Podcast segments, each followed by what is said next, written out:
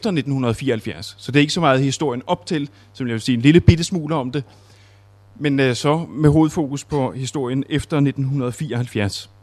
Og det som øh, jeg er blevet bedt om at sige, eller give, det er et økumenisk perspektiv på Cape Town 2010. Og øh, det, som jeg har valgt at fokusere på, det er spørgsmålet om, øh, om evangelium og kultur i Lusandbevægelsen. Altså hvordan de to ting er blevet forstået og vurderet i Lusandbevægelsen.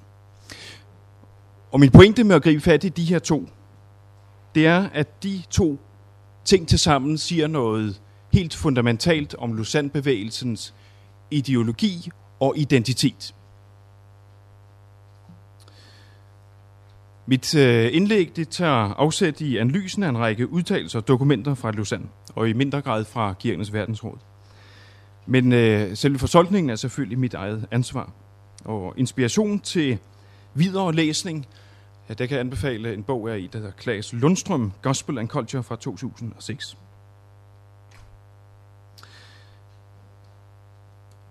I øh, Edinburgh 1910 var der en anglikansk biskop, fra High Anglicans, altså dem der ja, nærmest var sådan en slags øh, katolikker, kan man sige, som øh, talte på Lausanne-konferencen, undskyld, på øh, Edinburgh 1910-konferencen, og han begyndte med at sige, at han jo nu stod her som en, som en enlig løve i en kugle af Danieler. Altså, fordi det var jo øh, mest evangelikale, der deltog på Edinburgh 1910-konferencen, og han stod der så altså, som anglo-katolik.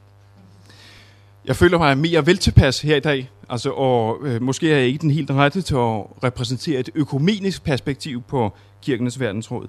Men jeg vil sige dog øh, til mit forsvar, at jeg selv er med i en kommission under kirkenes verdensråd, og altså på min egen altså, øh, lille måde jeg kender lidt til det øh, fra det perspektiv.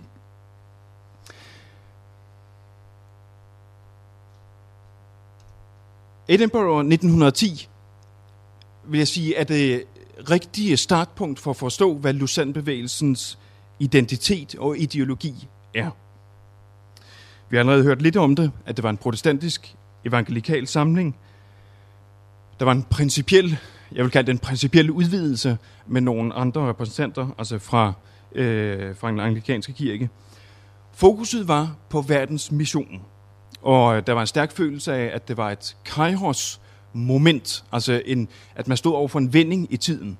Og det er den måde, som John Mott talte om det i sit, øh, øh, i sit indledningsforedrag på konferencen, hvor han sagde, at øh, tiden, vi lever i, er speciel af økonomiske grunde. Aldrig har de kristne haft så stor økonomisk magt som nu.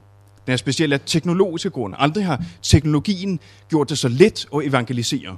Det var jernbanerne og telegraferne, han hentydede til.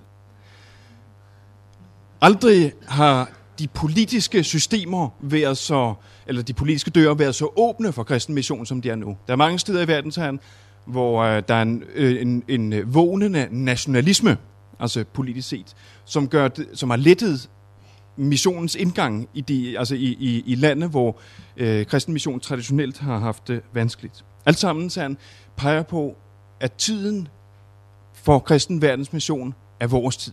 Vi kan fuldføre opgaven i vores generation og gøre verden til kristne. På den måde blev Edinburgh 1910 altså den første, øh, vil jeg kalde strategiske missionskonference, altså med et klart strategisk sigte. Og nu skal vi planlægge og finde ud af, hvordan vi kan løse opgaven bedst muligt.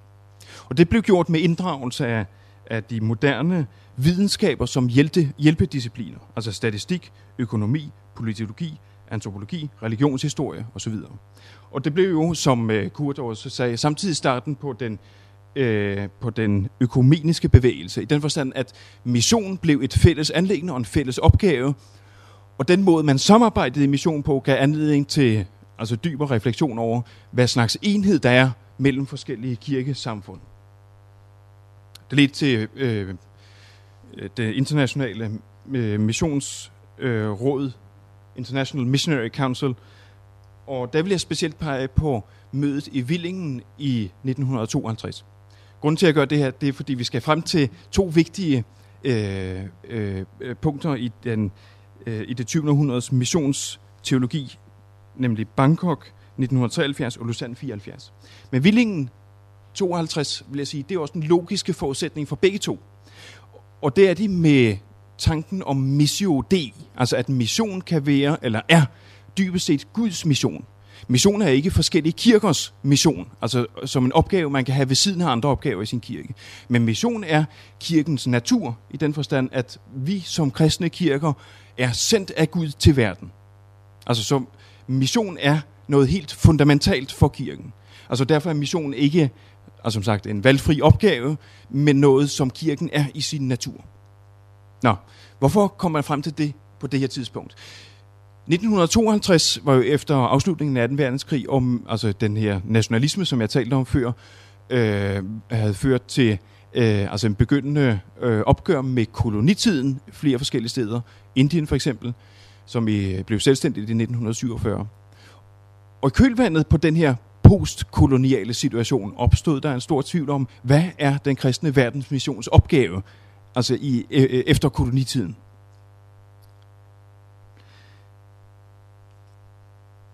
Tanken om Missio øh, kan man så se som et svar, eller et muligt svar på, hvad den kristne missions opgave er. At den stadig kan have en opgave. En anden vigtig ting på det her møde, det var Vissa Tofts, altså Kirkenes Verdensråds generalsekretær, tanker om den vertikale og den horisontale dimension af mission. Altså at mission er vertikal i den forstand, at det handler om et kald til menneskers omvendelse, men det er også horisontalt i den forstand, at det handler om et kald til social ansvarlighed. Og de to ting skulle hænge sammen, mente Vissert Hoft.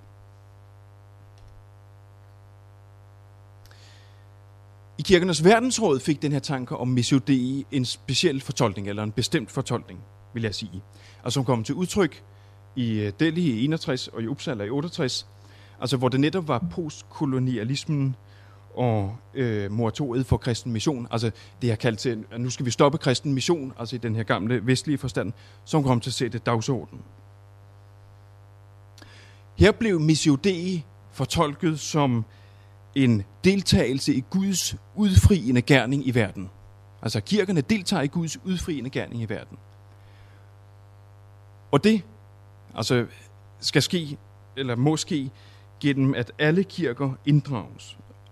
Så der blev øh, talt om en, øh, eller talt for en stærk, øh, stærk behov for en revision af den hidtidige missionstænkning i Vesten, ud fra de sydlige kirkers erfaringer.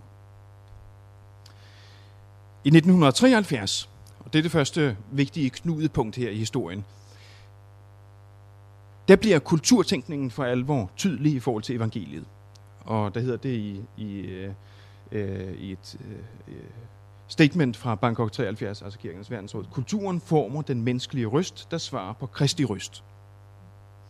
Fokus er her på kulturen som en slags respons på evangeliet. Altså samfundsmæssige forandringer og social retfærdighed bliver derfor centrale emner. Samtidig bliver kulturel identitet vigtig. Det gør de, fordi kulturel identitet og etniske tilhørsforhold ofte havde været ignoreret af de øh, traditionelle vestlige missionskirker. Noget, der ofte var overset i det almindelige, eller det, op til da i missionsarbejdet. Kristne fra Afrika og Asien fremholdt i Bangkok, at, at missionen i den vestlige forstand i stigende grad var irrelevant i deres kontekster og i forhold til deres erfaringer. Derfor sagde de, mission som en samlet og strategisk indsats er noget fortidigt. Mission må derimod være lokale menigheders eget ansvar.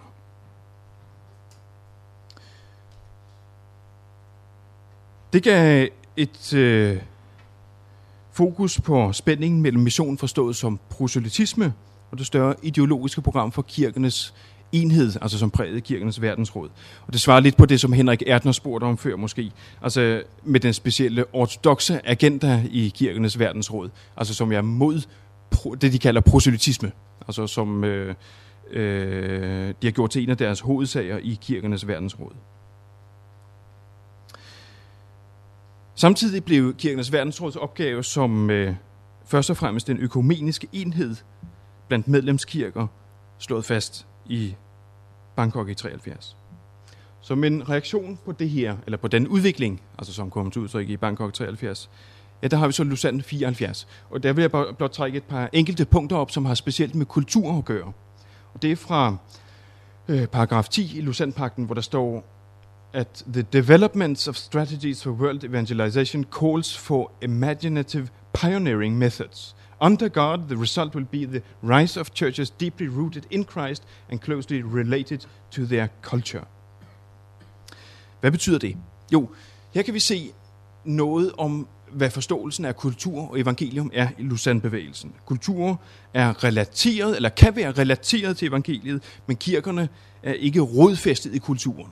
Altså kirkerne er derimod rodfæstet i Kristus. Og videre hedder det samme paragraf, Culture must always be tested and judged by scripture, because men and women are God's creatures. Some of their culture is rich in beauty and goodness, because they are fallen. All of it is tainted with sin, and some of it is demonic. Så der er noget godt og smukt i kulturerne, men alt står under synd. Noget af kulturen er dæmonisk. Og det vil jeg sige, det er i kondenseret form Lausanne-bevægelsens syn på kultur. Altså som en menneskelig aktivitet, vil jeg kalde det. Kultur er en menneskelig aktivitet. Videre i paragraf 10 hedder det, og, og det er noget nyt i forhold til Edinburgh 1910, og derfor bemærkelsesværdigt. The gospel does not presuppose the superiority of any culture to another, but evaluates all cultures according to their own criteria of truth, to its own criteria of truth and rightfulness, and insists on moral absolutes in every culture. I modsætning til den tænkning, som var almindelig, og som lå under Edinburgh 1910, hvor man ligesom tænkte sig, at der var et hierarki mellem civilisationer og også religioner, altså mellem kristendommen og, og, og den europæiske civilisation, var så toppen af, af, den her, af det her hierarki. Den tænkning er forladt i Lausanne 74. Og det er en vigtig ting. Altså så, øh, på den ene side, al kultur er menneskelig og er syndig, og noget af det er dæmonisk, men al kultur er også lige og står som sådan under Guds ords tiltale.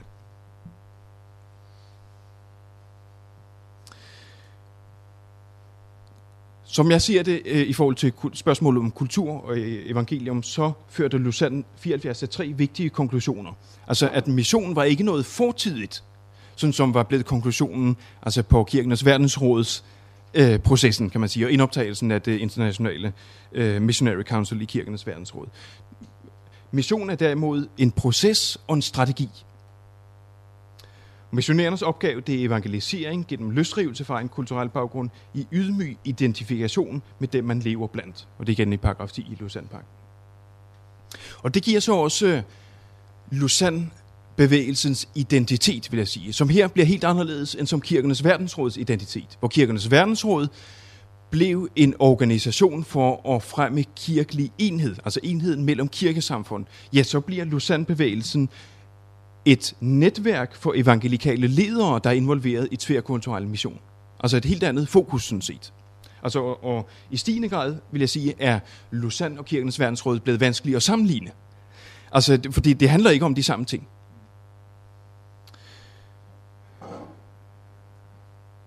Jeg vil ikke gøre så meget ud af øh, den næste kilde, selvom den her faktisk er en af de vigtigste kilder til forståelsen af, hvad Lausanne-bevægelsens syn på kultur er. Altså, og som man faktisk kan lære meget af, vil jeg sige.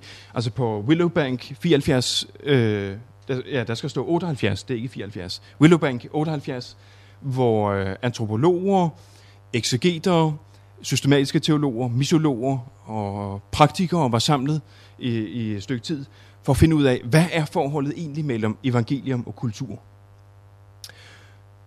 Hvor kirkenes verdensråd havde fastslået, at evangeliet for andre og for andres i kulturen, ja, så bliver det her, altså på Willowbank 74 fastslået, at formålet altså for kristen mission er at bevare evangeliet i forskellige kulturer, mens kulturen forandres af evangeliet. Og der overordnede spørgsmål i forhold til kulturen, det bliver derfor, Hvordan skal kulturel praksis evalueres i forhold til bibelske standarder for kulturel identitet? Og det vil jeg sige, det er et uløst problem. Og øh, det bliver også en af de ting, som jeg vil sige øh, til sidst, øh, når jeg kommer så langt, øh, er en af de udfordringer, som Cape Town 2010 står overfor. Altså, hvad betyder det her i praksis? Willowbank 1978 udformede nogen svar. De talte om en formel korrespondence, altså som de ikke anbefalede, overfor en dynamisk ekvivalens. Altså, at man skal oversætte dynamisk i stedet for formelt. Altså, man skal ikke have en kirkebygning, der ser ud på den og den måde, altså gotisk eller romansk osv., altså øh, samme tøj, samme liturgi, altså oversat ord for ord, altså fejditrisk kollektor, altså som er uforståelig for danskere, og så oversat til tamil og dobbelt uforståelig osv. Det er ikke det, der er idealet. Det skal være en dynamisk oversættelse. Så talte de om en missiology of change, altså at mission skal forandre kulturer. Men samtidig skal, altså, er der brug for missionaries of humility. Det kan kun ske gennem ydmyghed. Altså, og hvordan de to ting balancerer med hinanden, altså det øh, vil jeg sige, det er også stadigvæk en udfordring. Altså missiology of change og missionary of humility. Hvad betyder det? Altså, og, og hvad skal man sige? Hvad betyder, eller hvordan kommer det rigtige ægte partnerskab i stand i mission? Ja, det vil jeg springe lidt hurtigt hen over det her. 1980, Pattaya, som øh, øh, Viggo Søgaard også nævnte, det mener jeg også er et meget vigtigt øh, punkt i, i øh, Lusanne-bevægelsens historie. Altså, og specielt de to sidste ting, jeg har nævnt her på, på sliden, altså en mere kristocentrisk forståelse af mission og missionsstrategi. Altså, og det er det, som Viggo også talte om som en centered, altså frem for bounded, under, øh, altså forståelse af mission. Altså af mission, og det vi gør i mission og i kirke, altså har legitimitet ved at pege hen på Kristus. Altså snarere end som, at man skal se, øh, forsøge at, at, at finde ud af, hvad er grænsen nøjagtigt for, hvad man kan gøre? Hvad er grænsen for altså, at, at adoptere eller indoptage kulturelle elementer osv.? Altså kan man gøre det ene og ikke det andet? Vel, det er retningen af det hele, der bestemmer, om det vi gør er vellykket eller ikke. Desuden øh, bliver kontekstualiseringen som metode i mission slået fast i 1980. 1989, ja, der sker der noget, som er vigtigt i forhold til vores forståelse af, af hvad evangeliet er i Lausanne-bevægelsen. Og det er, med det tænker jeg på, altså en øget tilstedeværelse af kirker fra syd, og også fra øst, altså Østeuropa, som er overvældende i Manila. Og der er en ny udfordring i forhold til en holistisk forståelse af evangeliet. Det er den første. Altså, øh, og, og med det, ja, der kunne vi gribe tilbage til Wissert Hofs model. Altså, der er en vertikal dimension i mission, men der er også en horisontal, og, der, og begge dele må være der. Altså, det bliver også, hvad skal man sige, slået fast i, i Manila 1989-teksten. Øh, og yderligere bliver der talt om kontekstualisering for at gøre missionen mere effektiv i det globale syd. Altså et strategisk værktøj. Nå, så vi kommer til konklusionerne. Hvordan forstår Lustand-bevægelsen så evangeliet? Hvad er evangeliet? Ja, evangeliet, vil jeg sige, på baggrund af dokumenterne, diskussionen, det er først og fremmest et budskab om tilgivelse og fornyelse af Guds relationen, og så subsidieret, men i stigende grad efter 1989, også et socialt mandat. Hvad er kultur i Lausanne-bevægelsen? Jo, ud fra Lausanne-pakten og Willowbank 78-rapporten, så kan vi se, at alle kulturer grundlæggende er lige. Der er ikke noget hierarki. Det er ikke sådan, at altså vores vestlige kultur er det øverste trin i en lang historisk udvikling. Men at alle kulturer samtidig grundlæggende er tvetydige. Altså, der er ikke nogen kristen kultur. At der er ikke nogen kristenhed, og der er måske ikke mulighed for en kristenhed, altså en enhed af kultur og kristendom. Eller det vil sige, det er der ikke i, i Lausanne-bevægelsens vision. Hvorfor er der ikke det? Jo, fordi forholdet mellem evangeliet og kulturen, ifølge Lausanne-bevægelsen, er, at kulturen må være et hylster for evangeliets kerne. Og derfor kan man ikke tale om en kristen kultur eller en kristenhed. Altså det, den tid er forbi i Lausanne-perspektivet. Hvad betyder det for vores forståelse af evangeliet? Skal evangeliet være en respons på kulturen, eller er opgaven snarere at bevare evangeliet på tværs af kulturen? Begge dele finder vi i Lausanne-bevægelsen. Og jeg vil sige, at det hænger sammen med den her vertikale og den horisontale dimension af kulturen. Øh, undskyld, af missionen. Til sidst vil jeg forsøge at, altså på baggrund af det her, og ud fra et historisk og, og mere økumenisk perspektiv, og identificere nogle udfordringer til øh, Cape Town 2010. Det vil sige, det er først og fremmest og helt grundlæggende kulturtænkningens fortsatte udfordring til missionsstrategien. Altså for hvad er forholdet egentlig mellem kultur og evangelium? Er det virkelig rigtigt, sådan som øh, øh, altså det er hævdet i Lausanne-bevægelsens dokumenter og i, hvad skal man sige, selvforståelsen, at der ikke er noget forhold mellem kultur og evangelium? Altså andet end det, at øh, kulturer er menneskelige og er mærket af synden, selvom noget af det kan være godt. Er forholdet ikke mere komplekst og mere facetteret, end Lausanne hele tiden har givet indtryk af? Altså, og der tænker jeg altså på den vertikale, eller det vertikale element af missionen. Gælder mission, ja, mission gælder selvfølgelig altså individets frelse, omvendelse, frelse og øh, individets evige liv. Men er der ikke også øh, altså det, som Paulus taler om som en kosmisk bred i forsoningen, og det, som er sat på som et tema til Cape Town 2010. Hvad betyder den kosmiske bred i forsoningen? Altså, hvor, hvor bred er det vertikale element i missionen? Hvad betyder det konkret og i praksis, altså for vores missionstænkning, at der er den her kosmiske bredde i forsoningen? ja, fordi den her kosmiske bredde, ja, det giver netop motivationen for de horisontale elementer af missionen, vil jeg sige. Altså, hvad er evangelikale kristnes sociale rolle? Altså dem taler eller mener jeg konkret i forhold til klima, naturressourcer, samfundsopbygning osv. Altså det, som kirkernes verdensråd har forsøgt at være god til. Men som evangelikale kristne ikke øh, har gjort noget stort forsøg på indtil videre. Hvad er evangelikale kristnes bidrag her? Hvis der er en kosmisk bred i forsoningen, hvad betyder det så for vores opgave i forhold til klima, naturressourcer og samfundsopbygning? Kan vi sige noget om det i teologisk perspektiv? Så er spørgsmålet om dialog og, og synkretisme. Altså, der vil jeg specielt altså spørge om det sidste i forlængelse af Parteia 1980. Altså, findes der vellykkede, altså i gåsøjne vellykkede former for synkretisme, altså, som bringer nye perspektiver i evangeliet frem i mødet med nye kulturelle virkeligheder? I, øh, på mødet i Thailand i, i 1980, der blev der talt om, ja, hvad er vores opgave i mission i forhold til forskellige grupper, altså etniske, politiske, religiøse grupper.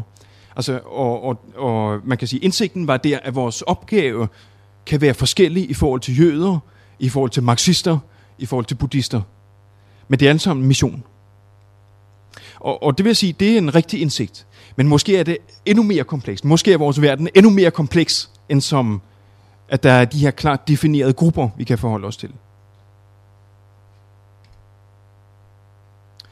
Ja, og til sidst, og det er jo et ægte økumenisk anlæggende, Altså spørgsmålet om enhed, det har Biver også allerede været inde på som øh, et af punkterne på dagsordenen. Er enhed overhovedet et mål i praksis? Eller, altså, det har, så vidt jeg kan se, har det ikke været prioriteret højt i Lausanne-bevægelsens historie. Altså det har været der som retorik, men hvad betyder det i virkeligheden? Hvad slags enhed eksisterer der ifølge Lausanne-visionen? Er det en enhed, som når ud over protestantiske former for kristendom?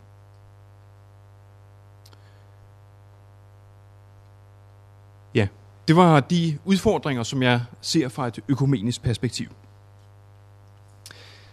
Tak for jeres opmærksomhed.